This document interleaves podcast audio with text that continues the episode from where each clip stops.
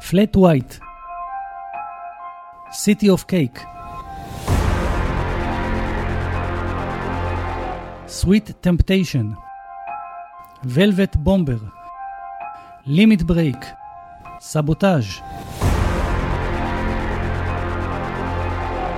Triple Agent Gamma Ray גדי, הכל בסדר? כן, כן, הכל בסדר. הבהלת אותי, חשבתי שזה סיסמאות גיוס. לא, לא, ממש לא. אז לא הבנתי, אתה מתאמן לפסיכומטרי? לא, זה גם לא פסיכומטרי. אז זה מה? בסך הכל שמות של בירות. פעם ראינו את שם הבירה, ידענו בדיוק מה יש בפנים. היום, עד שאנחנו מבינים מה הבירה, יוצאים לו כל הגזים.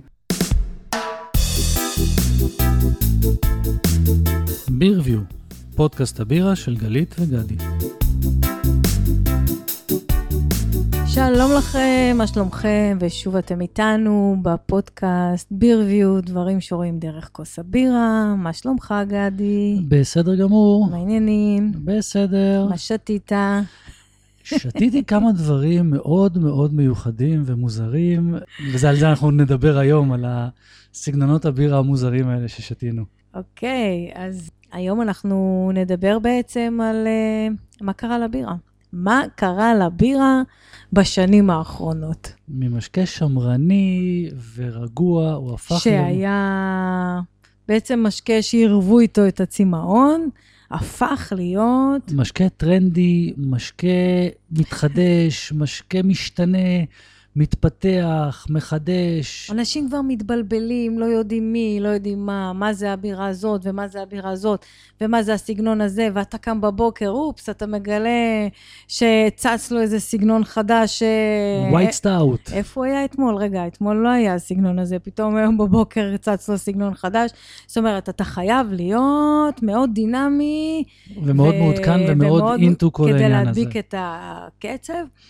אפילו ישבנו אה, עם חבר לשתות כוס בירה, וככה הפחית, הוא ככה מסתכל על הפחית, והוא אומר לי, רגע, מה זאת אומרת, מה זאת אומרת של המבשלה, כתוב על הבירה הייזי IPA, מה זאת אומרת תואר הייזי IPA? אבל הייזי IPA זה ברודוג, לא? ואז אני הבנתי שהבלבול הזה, השטף הזה של המותגים והשמות והתוויות והפחיות והציורים והסגנונות, השטף הזה, באמת גם לאנשים ש, ששותים בירה, שאוהבים בירה, כבר כאילו... זה רק אם אתה כל כולך בתוך העניין, אתה עוש... מבין מה קורה. זה עושה, אתה... גם לא, זה כבר עושה כזאת בלבלה, שאתה כבר לא יודע מה אתה שותה.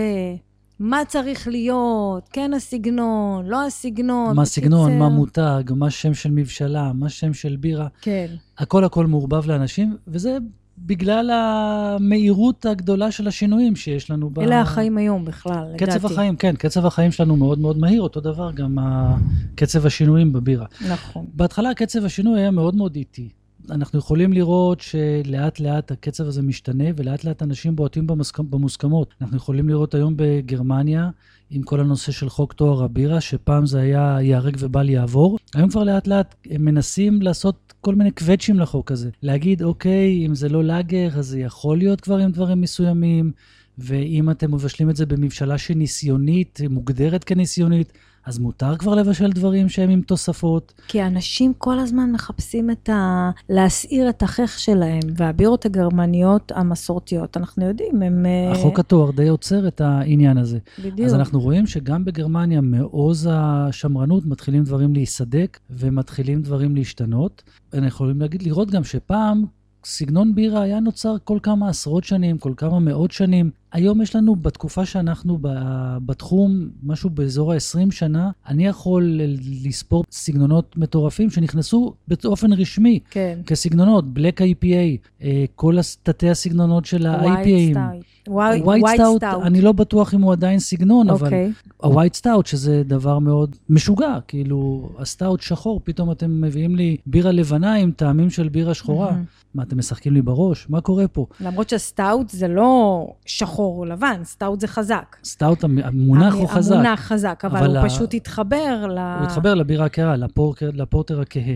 בדיוק. בק- עכשיו, העניין הוא, בהמשך למה שאתה אומר, זה שהשינויים פעם היו יותר איטיים, כי הם היו, הם נגרמו בעקבות כל מיני גורמים סביבתיים.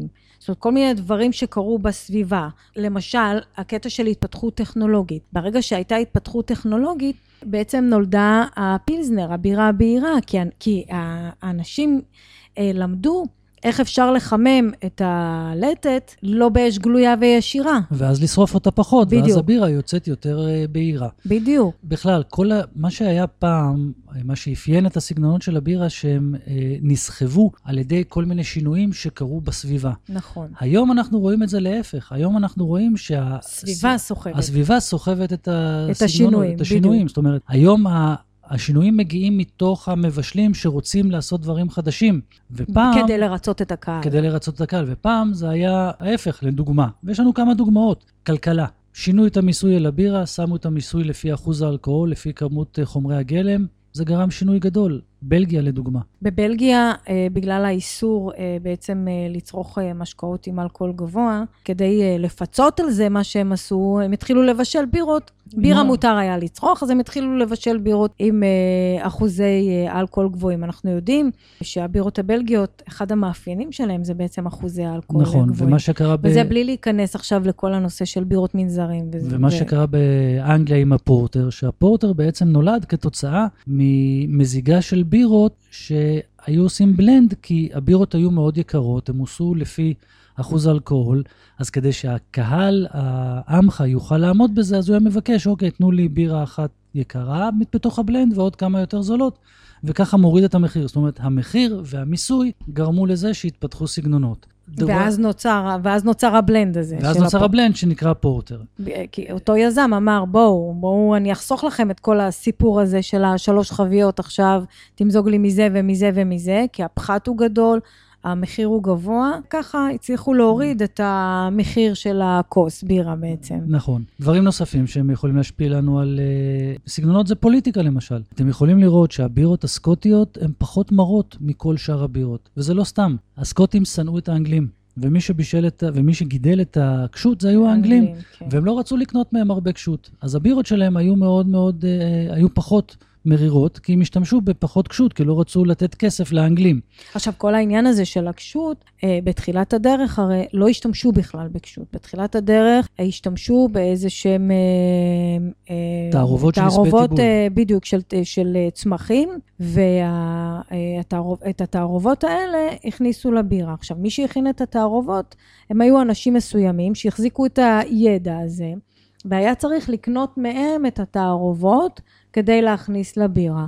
עם הזמן, כשגילו את הצמח אה, של הקשות והבינו שאפשר להוסיף אותו לבירה, לא צריך היה יותר את האנשים האלה שהחזיקו את המתכונים של תערובות הצמחים, כי יכלת לצאת לחצר שלך, לקטוף קשות ולדחוף אותו לתוך הבירה, נכון, בזה ו- נגמר הסיפור. ואז כשבאירופה התחילו לבשל את הבירה, והבירות האירופאיות הגיעו לאנגליה, אז גם באנגליה, ששם היה פחות הנושא הזה של הקשות, התחילו להתחבר, ואז מ- מאיילים התחילו לעשות ביטרים, מאיילים התחילו לעשות בירס, שזה בעצם כן. היו הבירות עם הקשות, הם לאט לאט למדו ושינו את הסגנונות שלהם בהתאם אה, לקשות. ובירות שבעקבות ההתפתחות של התחבורה וכולי, רצו להתחיל, רצו לשנע בירות, אז הבינו שכדי שהבירה לא תתקלקל, צריך אה, לחזק וש- אותה. ושתי הדוגמאות הכי אה, ידועות בעניין הזה זה ה-IPA והסטאוט של גינס, בדיוק. שנולדו כתוצאה מהצורך אה, לשנע. לשנע את הבירה ולעשות אותה יותר עמידה. ועוד דבר שהשפיע זה לאט לאט עם השנים, זה הנושא של שיווק. ברגע שנהיה אה, שיווק במדיה, במס מדיה, במדיית המונים, אז התחילו פרסומות של בירה, וברגע שהתחילו פרסומות של הבירה, אז התחילו ל- לתת לבירה כל מיני אה, סופרלטיבים וכל מיני של תכונות. בריאות, של בריאות, והנה בואו תשתו את הבירה שלנו, היא הכי טובה, ובואו תשתו את הבירה שלנו, שהיא הכי בהירה. ונשים מניקות. אה, בדיוק, ואז זה פתח יותר את הנושא כן. של הסגנונות, והתחילו יותר להיכנס uh, לסגנונות. אני חושב שהגינס זה אחת הדוגמאות היותר גדולות על בירה שמאוד מאוד מאוד בנויה על הנושא הזה של השיווק. היום, להגיד שאתה לא אוהב גינס זה להסתכן בסקילה או משהו כזה. וכל זה זה מגיע, כי, שוב, כי אנשים, וואלה, יש שיווק. הגזמת. ברור שאני מגזים, אחרת זה לא יהיה נחמד ומעניין פה. אלה הדברים שבעצם השפיעו על הסגנונות. עכשיו, מיסוי זה לא קורה כל יום, ורכבת לא ממציאים אה, כל יומיים, ונושא של אה, טכנולוגיות, של קירור, זה לא דבר שקורה כל אה, שלושה שבועות. כן. ולכן כל פעם שקרה דבר כזה, זה גרם איזשהו שינוי, וזה קרה ככה לכמה עשרות שנים. נכון, דיברת על הקירור, אז נכון, יש לנו את הנושא של הלאגר והאל, שפתאום... אה, בדיוק, ברגע שדרך אגב, מי נכון. שלא יודע, המקרר הראשון הומצא עבור מבשלת שפטן במינכן כדי לבשל בירת לאגר. נכון, כדי שאפשר יהיה לעשות את זה בצורה מסודרת. מסודרת ו- ורציפה ולא- לאורך בדיוק, כל השנה. ולא משהו אקראי ששמים אה, בתוך... אז כל, הש... כל השינויים האלה שגרמו לשינויים בסגנונות של בירה קרו אחת למספר גבוה של שנים, נכון. ולכן כל התחום הזה היה, השתנה לאט לאט. והיום, היום, היום מי, כמו שאמרנו, מלהיגרר אחרי מבירה תופעות, לבנה ובירה שחורה, שאלה היו המושגים. לא היה מעבר לזה, באמת שלא היה מעבר לזה. זאת אומרת, בן אדם בא, רוצה לשתות בירה, מה אתה רוצה? בירה לבנה ובירה שחורה, יודעים, יש את הסיפורים המצחיקים האלה של ישראלים שיצאו לחו"ל. וביקשו את הבירה השחורה וקיבלו גינס, ואמרו, מה זה הבירה השחורה הזאת? זה לא הבירה השחורה שיש לנו בארץ.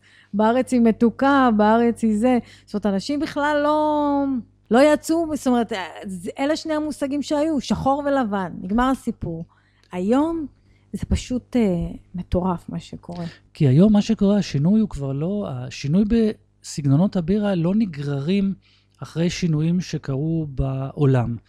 מה שקורה היום זה שהמבשלים עצמם הם אלה שיוצרים את הדרישה, אה, לא את הדרישה, הם אלה שיוצרים את הרצון לשנות את הבירה, והם עושים את זה לא כתוצאה שהם נגררים אחרי שינויים עולמיים, אלא כי הם רוצים לרצות את הצרכנים שלהם. בדיוק, כי הצרכן, מי ששותה את הבירה, כל הזמן, אה, אני חושבת היום לא רק בתחום הבירה.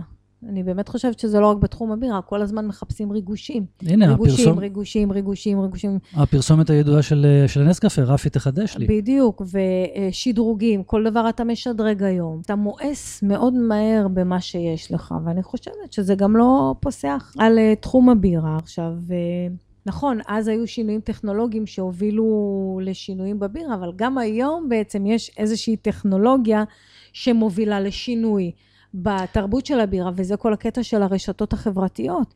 זאת אומרת, העולם נעשה קטן, כולם יודעים מה נמצא בקצה השני של העולם, זאת אומרת, בכל קצוות העולם. הוא נעשה, קט- הוא נעשה קטן והוא נעשה מהיר יותר. בדיוק. זאת אומרת, זה אוטוסטרדת המידע. משהו שאתה היום יודע ומייצר באירופה, שלוש שניות לוקח להגיע לזה למקומות אחרים בעולם. בדיוק. אז האנשים, הקהל שצורך את הבירה, רוצה. דורש. בדיוק, הוא דורש מה שיש שם, הוא רוצה גם פה. והמבשלות חייבות אה, לעמוד בקצב הזה, הן חייבות אה, ולכן היום, לספק את ה... לספק את הסחורה, בדיוק, בקיצור. לספק את הסחורה. והיום קצב השינוי הרבה יותר מהיר ממה שהיה פעם, ולכן אנחנו רואים את הדברים של היום, כמו שאמרת בהתחלה, שאנשים כבר מבולבלים. אם אתה לא אה, כל הזמן אלרט וכל הזמן טיונד על העניין הזה של הבירה, לרגע אתה מאבד אה, פוקוס, פספסת כן. משהו, אתה פתאום לא מבין, וואלה, מה זה הדבר הזה בדיוק. שיצא לי, ואם זה סגנון או שזה בירה או שזה לא יודע מה. וכולם היום, אה, אני חושבת, המבשלות נמצאות בכזה מרוץ, אה, כי אם אתה, אם תיכנס לחנות משקאות ותסתכל על מדפי הבירות, זה מטורף מה שקורה היום על המדפים. איפה, פעם זה באמת, זה, זה, זה בלתי נתפס. ועכשיו, בא לקוח, רוצה, בא לו עכשיו לקנות איזה בקבוק בירה, הוא מסתכל על, ה, על המדפים, הוא לא יודע מה לבחור. הוא לא יודע מה לבחור, הוא לא יודע מה לקחת, לא, וכדי שאתה כלקוח תושיט את היד לבירה של המבשלה שהיא רוצה, זאת אומרת, שהיא רוצה למכור, זה צריך להיות משהו מיוחד. נכון? גם מבחינת הנראות של הבקבוק, התווית, השם, המום, כל השמות המומצאים האלה, וגם מבחינת הסגנון, מה שיש בפנים, זה צריך להיות כל כך אטרקטיבי, כי יש כל כך הרבה על המדף. אז וואלה, מה נקנה עכשיו? עוד בירת וזה- חיטה? לא, זה- אני אחפש את המשהו המיוחד הזה. וזה הגיוני, פעם בהלרנדורף בגרמניה, אותו, מי שגר שם, מה היה לו על המדף? את המבשלות המקומיות שלו. היום, בגלל שהכל יותר מהיר, הכל יותר קרוב, קרוב, על המדף כבר יש לו דברים אחרים. ואותה ממשלה מקומית עכשיו, היא לא היחידה, היא לא המונופוליסטית שם, היא צריכה להתחיל ולהילחם בכל מיני אה, בירות אחרות שקיימות, ואז הם בעצם מתחילים לשנות ומתחילים להתפתח. נכון. ולתוך זה נכנסה בעצם אה, האפליקציה, אחת האפליקציות אה, שמאפשרת לאנשים ששותים בירה בעצם לתייג את מה שהם שתו. כן, כל כך הרבה בירות, כל כך הרבה דברים. אני זוכר שאני התחלתי שאני שתיתי בירה וניסיתי יחד איתך לראות מה שתינו ומה עשינו, אז... איבדנו את זה. איבדנו את זה. ואז באיזשהו שלב התחלנו לכתוב על דפים. התחלנו לכתוב על דפים, ואז התחלנו, נהיו לנו ערימות של דפים, ולך תזכור מה כתוב. אז, אז אמרנו, אוקיי, בואו נהיה קצת יותר... אה, מתוחכמים. טכנול, יותר מתוחכמים, יותר טכנולוגיים, אז הכנסנו את זה לקובץ אקסל. נכון. אבל אז גם, ואז פתאום... ואז למי יש סבלנות למי. יש, בדיוק, ואז פתאום צצה לנו האנטאפ, האפליקציה הזאת, שבצורה מאוד מאוד פשוטה. אני שותה, ועל הרגע עם הטלפון הנייד שלי, אני מכניס את נכון, מה ששתיתי. נכון, כי בא איזשהו חבר ואמר לנו, תקשיבו, למה אתם עושים את זה ככה? תשתמשו באפליקציה הזאת, כי באפליקציה אתם באמת יכולים לרשום מה שתיתם, את חוות הדעת שלכם אה, על אותה בירה ששתיתם, אתם יכולים גם לתת לה ציון. ואז בפעם הבאה, כש, אה, זאת אומרת, כשתתלבטו, מה, שתיתי את הבירה הזאת, לא שתיתי את הבירה הזאת, אתם יכולים לפתוח את האפליקציה ולהסתכל על התיעוד שלכם ולראות, שתיתי, לא שתיתי, מה חשבתי עליה. והכל בטלפון הנייד, אני לא צריך לקחת אה, בדיוק. ילקוט עם אה, מלא ניירות בפנים, או לקחת אוקיי, את המחשב הנייד. פעם היינו מסתובבים עם מלא ניירות, עם פנקסים, יש לנו פנקסים מפה ועד הודעה חדשה. היינו עומדים בפסטיבלי בירה. היינו עומדים בפסטיבלי בירה עם אה, פנקס, ואנשים היו ניגשים אלינו ושואלים אותנו, מה אתם רושמים כל כך הרבה? למה אתם אה, זה? למה אתם מסתובבים עם ניירות? אה? והיום אני נכנס עם הטלפון לחנות, סורק את הברקוד של הבירה, ואז רואים, שתיתי אותה, לא שתיתי אותה, ובזה נגמר הסיפור. ומה חשבת עליה, אם בא לך עכשיו לקחת אותה עוד פעם, או שלא בא לך? אבל מה שקרה, מה שקרה עם הקטע הזה של האפליקציה הזאת, עם הזמן, זה שזה הפך להיות, היא הפכה להיות כל כך תחרותית. ואנשים אה, מתייגים אה, את הבירות שהם שותים. הם אוספים תיוגים. כן, זה, זה הפך להיות לאסוף תיוגים. זה לא עכשיו אני שותה בירה, וואלה, אני מתייג, אה, אני כותב שנקרא... לי, אני כותב לי כאילו הערות, שוליים ככה בשוליים, מה חשבתי, מה לא חשבתי. גם בשביל הלמידה שלי וגם מה ש... לעתיד. מה שנקרא, הדרך נהפכה למטרה.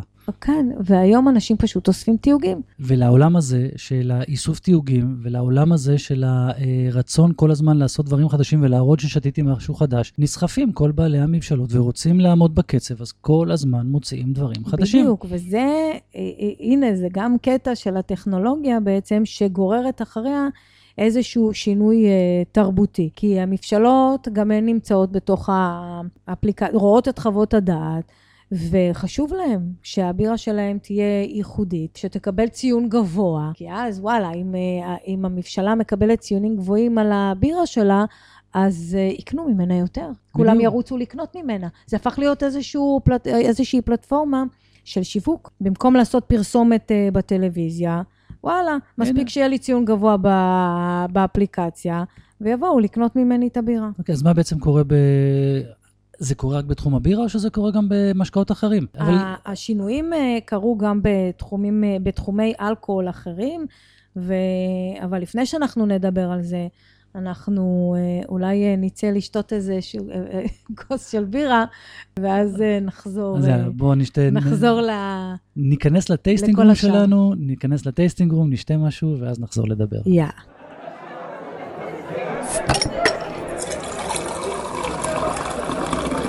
אוקיי, okay, אז אנחנו ב tasting room שלנו, היום יש לנו בירה מעניינת, מה אנחנו טועמים, גדי? היום אנחנו טועמים peanut butter milk stout של uh, מבשלה שנקראת טלגייט, uh, מבשלה בנשוויל, טנסי. בפחית. בפחית, כן, פחית uh, דווקא לא כזאת מצועצעת, נחמדה, חום לבן. הלוגו של הממשלה זה טנדר, אז יש לנו איזה פרה שיושבת על אה, טנדר ושותה את ה... משהו שנראה כמו בירה, אבל בבקבוק גדול יותר. הממשלה עצמה היא ממשלה שנמצאת בנשוויל, הייתי שם לפני כמה שנים, אה, עם אה, חבורה של כמה מאות שופטים ששפטנו בוורד ביר קאפ. חבורה קטנה. חבורה, כן, קטנה. עשו לנו שם איזשהו ערב. בין, המב... בין המכלי התסיסה של המבשלה, מדהים. היו שולחנות עם אוכל, עם שתייה, בחוץ היו משחקים כל מיני כאלה של אמריקאים, אבל היה ממש כיף לעשות את כל האירוע בין המכלים. וזה לא פגע בבירה. זה לא פגע בבירה, המכלים ענקיים, אף אחד לא פתח את הברז של המכל ושפך החוצה את כל הבירות. הכל היה כיף, היה נחמד, וזה באמת עשה אווירה מאוד מאוד נחמדה. למשרד הבריאות שלנו יש הרבה מה ללמוד, אבל אה, בואו בוא נעבור לטעימה. אה, אז ככה. אה, קודם כל, הבירה, איזה אה, סגנון זה? הסגנון זה milk stout. milk stout זה אחד מסגנונות, על, אחד מסגנונות הסטאוט. בעיקרון milk stout זה אומר שיש בה סוכר אה, לקטוז, שנותן לה בעצם מתיקות שלא נמצאת בסטאוטים אה, אירים יבשים, או סטאוטים אנגליים, או כל מיני ויש בה סוגים. חמת בוטנים. וכמובן, התוספת זה חמת בוטנים, זה הרעיון. זאת אומרת, אם דיברנו על הקטע של לחדש בבירות ולעשות דברים חדשים, אז הנה, חמת בוטנים. כשחמת בוטנים היא מאוד שומנית, וחמת בוטנים בבירה זה אחד הדברים הפחות אה, טריוויאליים שהייתי חושב עליהם. נכון. אבל- זה אחד הדברים שעושים, אה, שמייצרים בעיות בעצם במוצר הסופי, למוצר נכון, הסופי. זה השומן- מייצר איזושהי בעיה כמו שומן- קוקוס. בדיוק, שומן שיש גם ב peanut butter וגם בקוקוס, הוא נוגד את הקצף, הוא הורס את הקצף. נכון, אז בואו בוא נטעם אותה ונראה אם אה, היא עומדת בציפיות. אז קודם כל, מבחינת הנראות שלה, היא באמת בצבע שחור של סטאוט, אה, כמו שאנחנו רגילים. הקצף שלה הוא קצף אה, קרמי, אה, בצבע ככה בז'. אה, הארומה שלה היא אה, ארומה אה, כלויה. ארומה כלויה גם של הבוטנים כן. וגם של הלטת. וגם של הלטת השרוף. אה, אבל יש לה גם איזה ארומה מתקתקה טיפה, זאת אומרת, יש פה איזושהי ארומה שהיא מאוד מורכבת, כמה שכבות אה, בריח, גם של הכלוי, גם של השרוף, גם של המתקתק. זאת אומרת, זה כבר נראה שזה, שהטעימה הולכת להיות אה, מאוד מעניינת. כן, אז בוא נטעם. בטעם רואים שהיא אמריקאית. המרירות שלה כל כך גבוהה, כל כך אמריקאית, אבל וואלה, היא מאוד רכה, היא מאוד אה, סילקית, משיית כזאת. הטעימה שלה באמת אה, משלבת, אני חושבת, את שני העולמות, גם העולם האמריקאי עם הרמות אה, IBU מרירות גבוהות, וגם אה, את עולמות הסטאוט. זאת אומרת, הם לקחו את, את סגנון הסטאוט ו- ועשו עליו איזושהי פרשנות אישית. זה מה שעשתה המבשלה הזאת. אז אתה גם טועם את ה... את, את הלתתים השרופים ומה שבדרך כלל, ואת ה milk stout, אבל אתה גם טועם את התוספות. אני חייבת להגיד שאני טיפה מאוכזבת מהגוף, כי אה, בהרגשה שלי, היא הייתה צריכה להיות עם גוף טיפה יותר גבוה. כן, אבל מצד שני גוף זה... קצת יותר משמעותי. אבל מצד שני זה עושה את זה מאוד דרינקבל, מאוד uh, קל לשתייה. למרות. שהמרירות גבוהה והיא טיפה מפריעה לי. נכון. עכשיו, מה שעוד אני רואה פה, uh, הטעם של הבוטנים. כמה זה אחוז אלכוהול יש לה? סליחה שקטעתי אותך. 8 אחוז, אם אני זוכר נכון. רגע, תן. הטעם של הבוטנים פה נראה לי קצת מוזר, זאת אומרת, אני uh, מאוד מאוד, וואלה, לא 8 אחוז. 5.8. 5.8. 5.8, אז היא באמת, אה, היא, היא באמת בירה לא כבדה והיא גם קלה בגוף. כיפת לשתייה, היא בקיצור. כיפת לשתייה, האפטר טייסט שלה הוא מריר, אה, נוכחות מרירה לגמרי. נכון. עכשיו אני רוצה... עכשיו, התחלתי לדבר על כן. הטעם של הבוטנים. הטעם של הבוטנים פה הוא נורא נורא נקי, הוא נורא כלוי. יש לי הרגשה שזה לא ממש חמאת בוטנים בפנים, כי כדי להגיע לכאלה טעמים עם חמאת בוטנים, נראה לי היו צריכים להשתמש בכמויות גדולות שהיו דופקות את הבירה ועושות אותה לא מי יודע מה עם קצף. אני לא פוצל, פוסלת את האפשרות שזה תמציות. לגמרי, אה, זה, זה באמת נראה תמצית, אבל באמת בבירה הספציפית הזאת, זה הצליח להם. בבירה הספציפית הזאת אני באמת מסכימה שזה הצליח להם, ואני חייבת להגיד אה, בסוגריים שאני לא מחובבי החמות- חמת בוטנים ובוטנים בכלל, אבל, אה, אבל היא בסך הכל בירה מאוד טובה, והמוצר הסופי הוא מצוין. אבל אני חייבת להגיד שמבשלות באמת... אני מאוד מבינה, בוא נגיד ככה, אני מאוד מבינה את הקטע של המבשלות, ודיברנו על זה כל הפרק, שהן רוצות לחדש אה, ולעשות דברים מיוחדים, ולהראות שהן צועדות עם הזמן, ושגם הן יכולות, ושהמוצר שלהן יקרוץ על המדף אה, ללקוח כדי שיושיט את היד. ויקנה את המוצר שלהם מבין אה, כל המותגים האחרים על המדף. אבל, יחד עם זאת, דעתי האישית, לא בכל מחיר. לא בכל מחיר. מאוד קשה להגיע לטעמים ולארומות מסוימות, והרבה פעמים מוסיפים תמציות טעם וריח. עכשיו, גם כשמוסיפים תמציות טעם וריח, צריך לדעת באיזה מוצר משתמשים. ומה שקורה, כדי לחסוך בעלויות, הרבה פעמים מבשלות משתמשות בתמציות טעם וריח שלא מותאמות לבירה. אנחנו רואים את זה לצערי גם במבשלות ישראליות, שבוחרות להשתמש בתמציות טעם וריח שהן לא ייעודיות, בוא נגיד, לבישול בירה, אלא באות מתחום האפייה, ואז מה שאנחנו מקבלים בטעם ובאפטר טסט זה איזושהי מרירות לא נעימה שהיא אה, תופסת את הפה.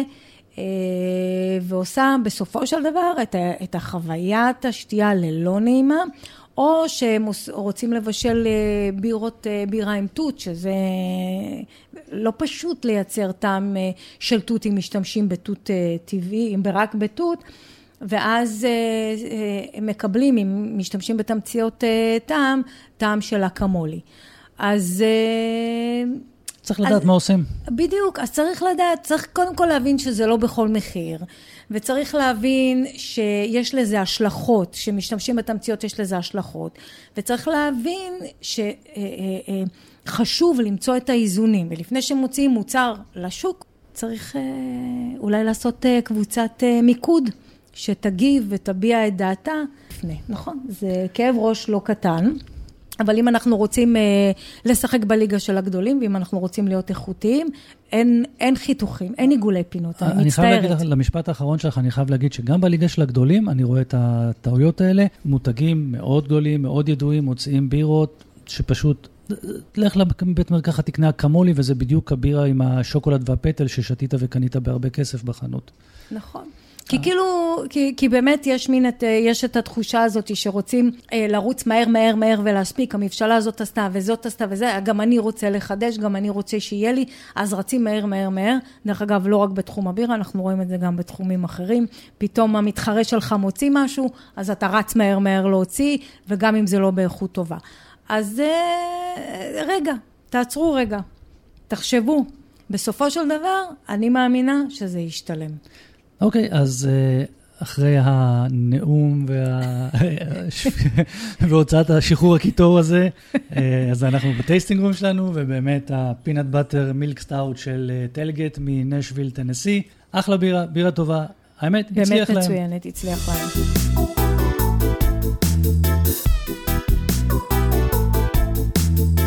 טוב, אחרי שהרווינו את צמאוננו, חזרנו אה, לדבר ולקשקש קצת על בירה. אז בעצם דיברנו על כל הנושא של השינוי התרבותי שחל היום אה, בכל התחום של הבירה, בתחום הסגנונות, בשפע ובהיצע שיש אה, על המדף. וראינו שאנשים היום אה, נמצאים באיזשהו מרוץ כדי לשתות עוד ועוד ועוד ועוד מותגים וסגנונות ודברים חדשים שהם לא טעמו. ראינו שאנשים אה, מתייגים את הדברים שהם שותים, נותנים לזה נקודות, המבשלות רואות מה אנשים אה, חושבים על הבירות שלהם, קוראות את חוות הדעת, זה גורם להם אה, להיכנס גם כן לאיזשהו סוג של סחרור ולייצר עוד ועוד ועוד דברים מיוחדים. אנשים אחרים רואים מה אנחנו שתינו, מה תייגנו, גם הם רוצים. בקיצור, זה איזשהו לופ כזה, איזשהו מעגל שהולך וגדל, וכרגע אני ממש לא רואה את ה... איפה זה ייעצר, אם יש לזה סוף בכלל, לכל הדברים המטורפים שנמצאים היום, אה, והחדשים שנמצאים היום על המדף. השאלה, מה קורה בתחומי אה, אלכוהול אחרים, או שעליהם זה פוסח, מה אתה אומר? אני לא חושב שזה פוסח, אבל uh, אני לא חושב מצד שני שזה נמצא באותה עוצמה כמו בענף של הבירה. בואו נסתכל לדוגמה על יין. אז גם יין בשנים האחרונות יש לנו כל מיני חידושים. יש את העינות הכתומים, יש את העינות הטבעיים, יש את העינות האורגניים, mm-hmm. יש את הנושא של יין בפחית שעכשיו mm-hmm. זה הטרנד החדש. וכמובן שהדברים האלה מתפתחים כתוצאה מהרצון לחדש וכתוצאה מהרצון להיות מיוחד. זאת אומרת, גם ביין יש את הרצון לחדש. נכון, אבל זה לא הגיע כן. לרמה של בירה. אנחנו לא רואים יין עם מרשמלו בפנים, ואנחנו לא רואים יין אה, כמו white stout, יין אה, לבן בטעם אדום. אולי היין הכתום אמור לעשות את זה. אוקיי. אז זה לדוגמה ביין, לדוגמה, ודוגמה נוספת זה בוויסקי. הוויסקי הוא קצת יותר פתוח לשינויים, והוא באמת מנסה בזמן האחרון קצת יותר לחדש, אבל עדיין החידוש שם, ברוב המקרים, זה חידוש על נושא של פינישים. נעשה את הפיניש כן. בחבית אה, עץ מסוימת כזאת, בחבית שהייתה ב-IPA, בחבית שהייתה בסטאוט, וזה באמת, כשאני מדבר על זה, אני עכשיו חושב, זה מדהים שעולם הוויסקי רואה מה שקורה בעולם הבירה, ומנסה לחדש ול... ולקרוץ לחובבי הבירה. בוא נעשה וויסקי בסיומת בחבית שהיה בה פעם IPA או בחבית שהיה בה סטאוט. אבל בזה מסתכם החידושים. כי, הם- כי הם, אני חושבת שהם גם באיזשהו מקום אה, מוגבלים יותר מאשר בתחום הבירה. אני חושבת שבבישול בירה הרבה יותר קל לך להכניס דברים ולעשות דברים, זה גם, ה- התוצר הוא מיידי. ברור, ברור שאם אני לוקח וויסקי ומיישן אותו אה, 18 בדיוק. שנה או 20 זה שנה. אני לא אתחיל לעשות עליו משחקים. אני לא אתחיל לעשות עכשיו משחקים בחומרי גלם ובתהליך הייצור כדי לחכות עוד 5, 6 שנים, 18 שנים, שזה יבוא לידי ביטוי. ומצד שני, אני לא אקח וויסקי שהיה אה, ס- 15 שנה בחבית, ונעשה עליו איזשהו ניסוי עם משהו שלא בטוח. נכניס לו מרשמלו ומשהו שלא יצא ממנו. אותו דבר עם היין. עשיתי איזשהו טעות, עשיתי איזשהו פלטה, זהו, אין לי יותר יין, אין לי משהו אחר לתת במקום. אז בהחלט בבירה זה הרבה יותר קל.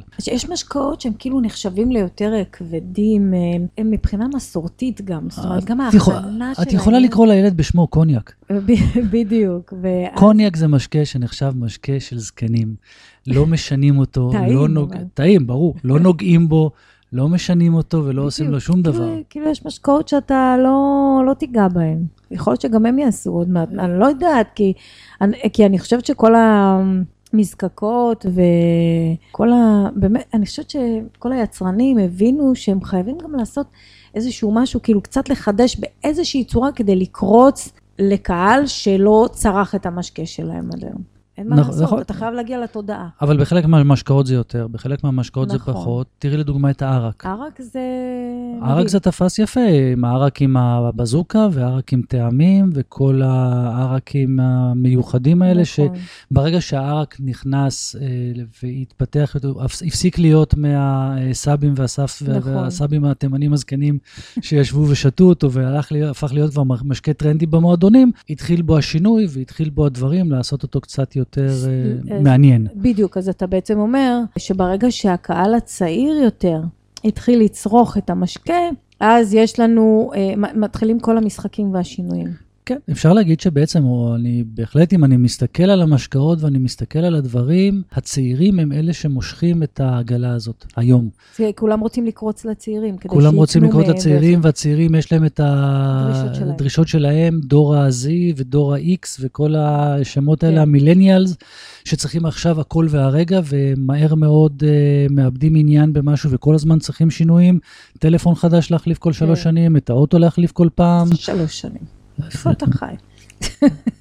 טוב, נו, שלוש שנים הוא מתקלקל לי, אז אני מחליף אותו. כמו שאני, אם אני מסתכל על זה ורואה את זה, בעצם הם אלה שלוקחים את כל העגלה, מושכים את כל העגלה הזאת של השינויים. ולא רק הדרישה, גם בייצור. אם אני חושב על זה, מבשלות הבירה שעושות את הדברים החדשניים, זה מבשלות ש...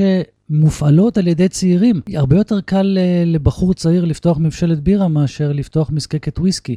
אז אנחנו יכולים לראות את זה, אם אני מפרש את זה, או כמו שאני מפרש את זה היום, גלנפידיך או אה, שיבאס רוצים לתת משהו לצעירים, אבל מי ששם מתעסק בייצור, זה אותם אנשים שיש להם מסורת וניסיון הרבה יותר גדול, והם יותר מבוגרים. אז הם מנסים לעשות משהו, אבל עדיין יש איזה מעצור. לעומת זאת, אה, מבשלת אה, ברודוג, או איביל טווין, או הופ חוליגנס, או מה שלא יהיה, זה החבר'ה הצעירים עצמם. הם אלה שמבשלים את הבירה שם, ולכן הרבה יותר קל להם, קונספטואלית, לעשות את השינוי. הם גם אולי יותר חשופים, אני לא הם יודעת. יותר חשופים והם פחות קשורים בעבותות ל... למסורת. למסורת שלהם. הרבה יותר קל להם לעשות את השינוי. כן. זה דבר אחד. מצד שני, הבירה היא גם משקה שהרבה יותר קל לעשות בשינוי. יש לי יש לך שעורה... את הבסיס. יש לי את הבסיס, ויש לי שעורה כל השנה, אז לא הלך לי בית אחד, מיד אני לוקח עוד שעורה ועושה את זה פעם שנייה. אני לא צריך לחכות שמונה שנים כדי שזה ייקרא בירה. בדיוק. ואני יכול, יכול לטעות, זה משקה שנותן לי את האפשרות לטעות יותר. אז השילוב הזה של גם צעירים, שהם אלה היצרנים, וגם משקה שהוא הרבה יותר אה, סביל, סובל, כל מיני טעויות, יצרו לנו את הכר היפה הזה של לבוא ולעשות בו שינויים ולהתחיל לא להשתולל. רק, ולא רק, ואני אוסיף על מה שאתה אומר, שגם אה, בירה יותר קל לקהל הצעיר לצרוך אותו.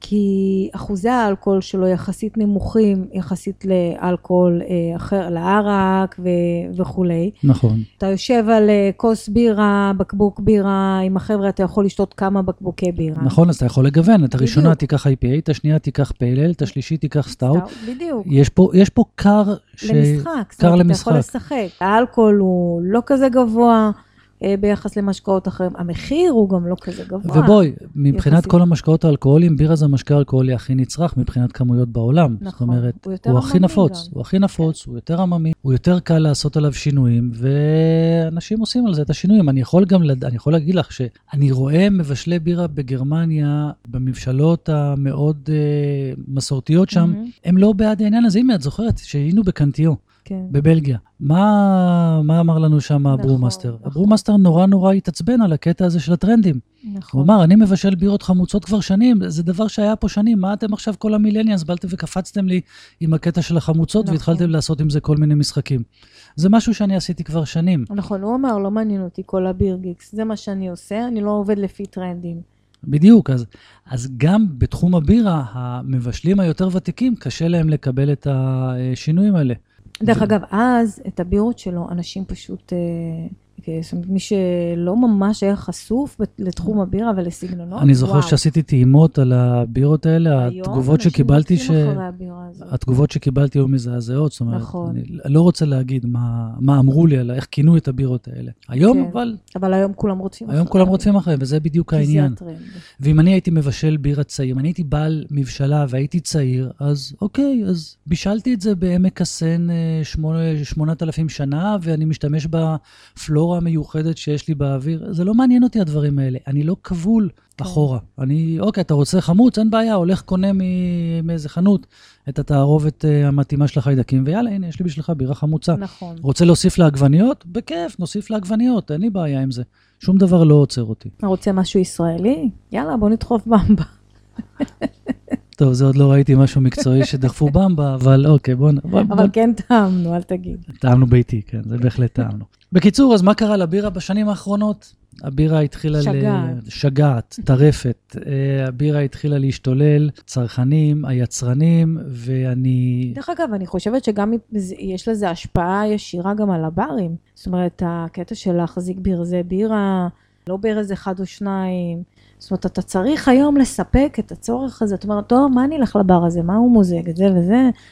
בוא נלך להוא שיש לו יותר את ברזים. יודעת, כשאת אומרת את זה, אני חושב על עוד דבר. כל הנושא הזה של השינוי בבירה והחדשנות בבירה, רואים את זה בעיקר בשווקים שהם לא שווקים אה, מסורתיים. את רואה את זה בארצות הברית, את רואה את זה בישראל, את רואה את זה במקומות שהבירה היא לא אחת מאבני היסוד של התרבות. כן. אז הרבה יותר קל לשנות שם.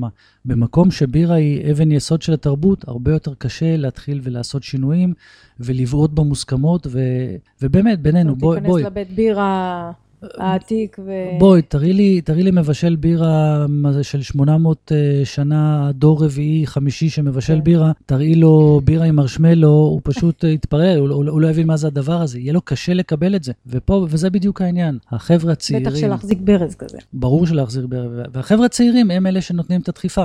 ומכיוון שלהחזיק מבשלת בירה על ידי מישהו שהוא צעיר זה לא כזאת בעיה, אז, אז יש, יש תגובה ראויה לצריכה. לה- להחזיק יקב או להחזיק מזקקה, עדיין הצעירים לא יכולים להחזיק, אז יש ניסיון לתת תגובה, אבל התגובה היא קצת שונה ממה שקורה בעולם הבירה. מהמם. אז זהו, אז זה מה שקרה לבירה שלנו בשנים האחרונות. ועוד היד נטויה לדעתי. ועוד היד נטויה עם, אה, כן, עם הלזר, הרדזלצר שעכשיו נכנסים, שאני לא יודע למה מכניסים את זה בכלל לנושא של בירה, אבל יאללה, הם נכנסים. אה, ואני בטוח שאנחנו נראה עוד ועוד ועוד שינויים על דברים שלא חשבנו בכלל שיכולים אה, להיעשות עם בירה. כל פעם מישהו ינסה להיות מיוחד ויעשה איזה משהו חדש, שוואלה, בחיים לא חשבתי. אז יאללה, אז נקום מחר בבוקר לסגנון חדש. ונספר לכם עליו בפעם הבאה. יש כזה שיר, לקום מחר בבוקר. עם שיר חדש בלב. עם סגנון חדש בלב.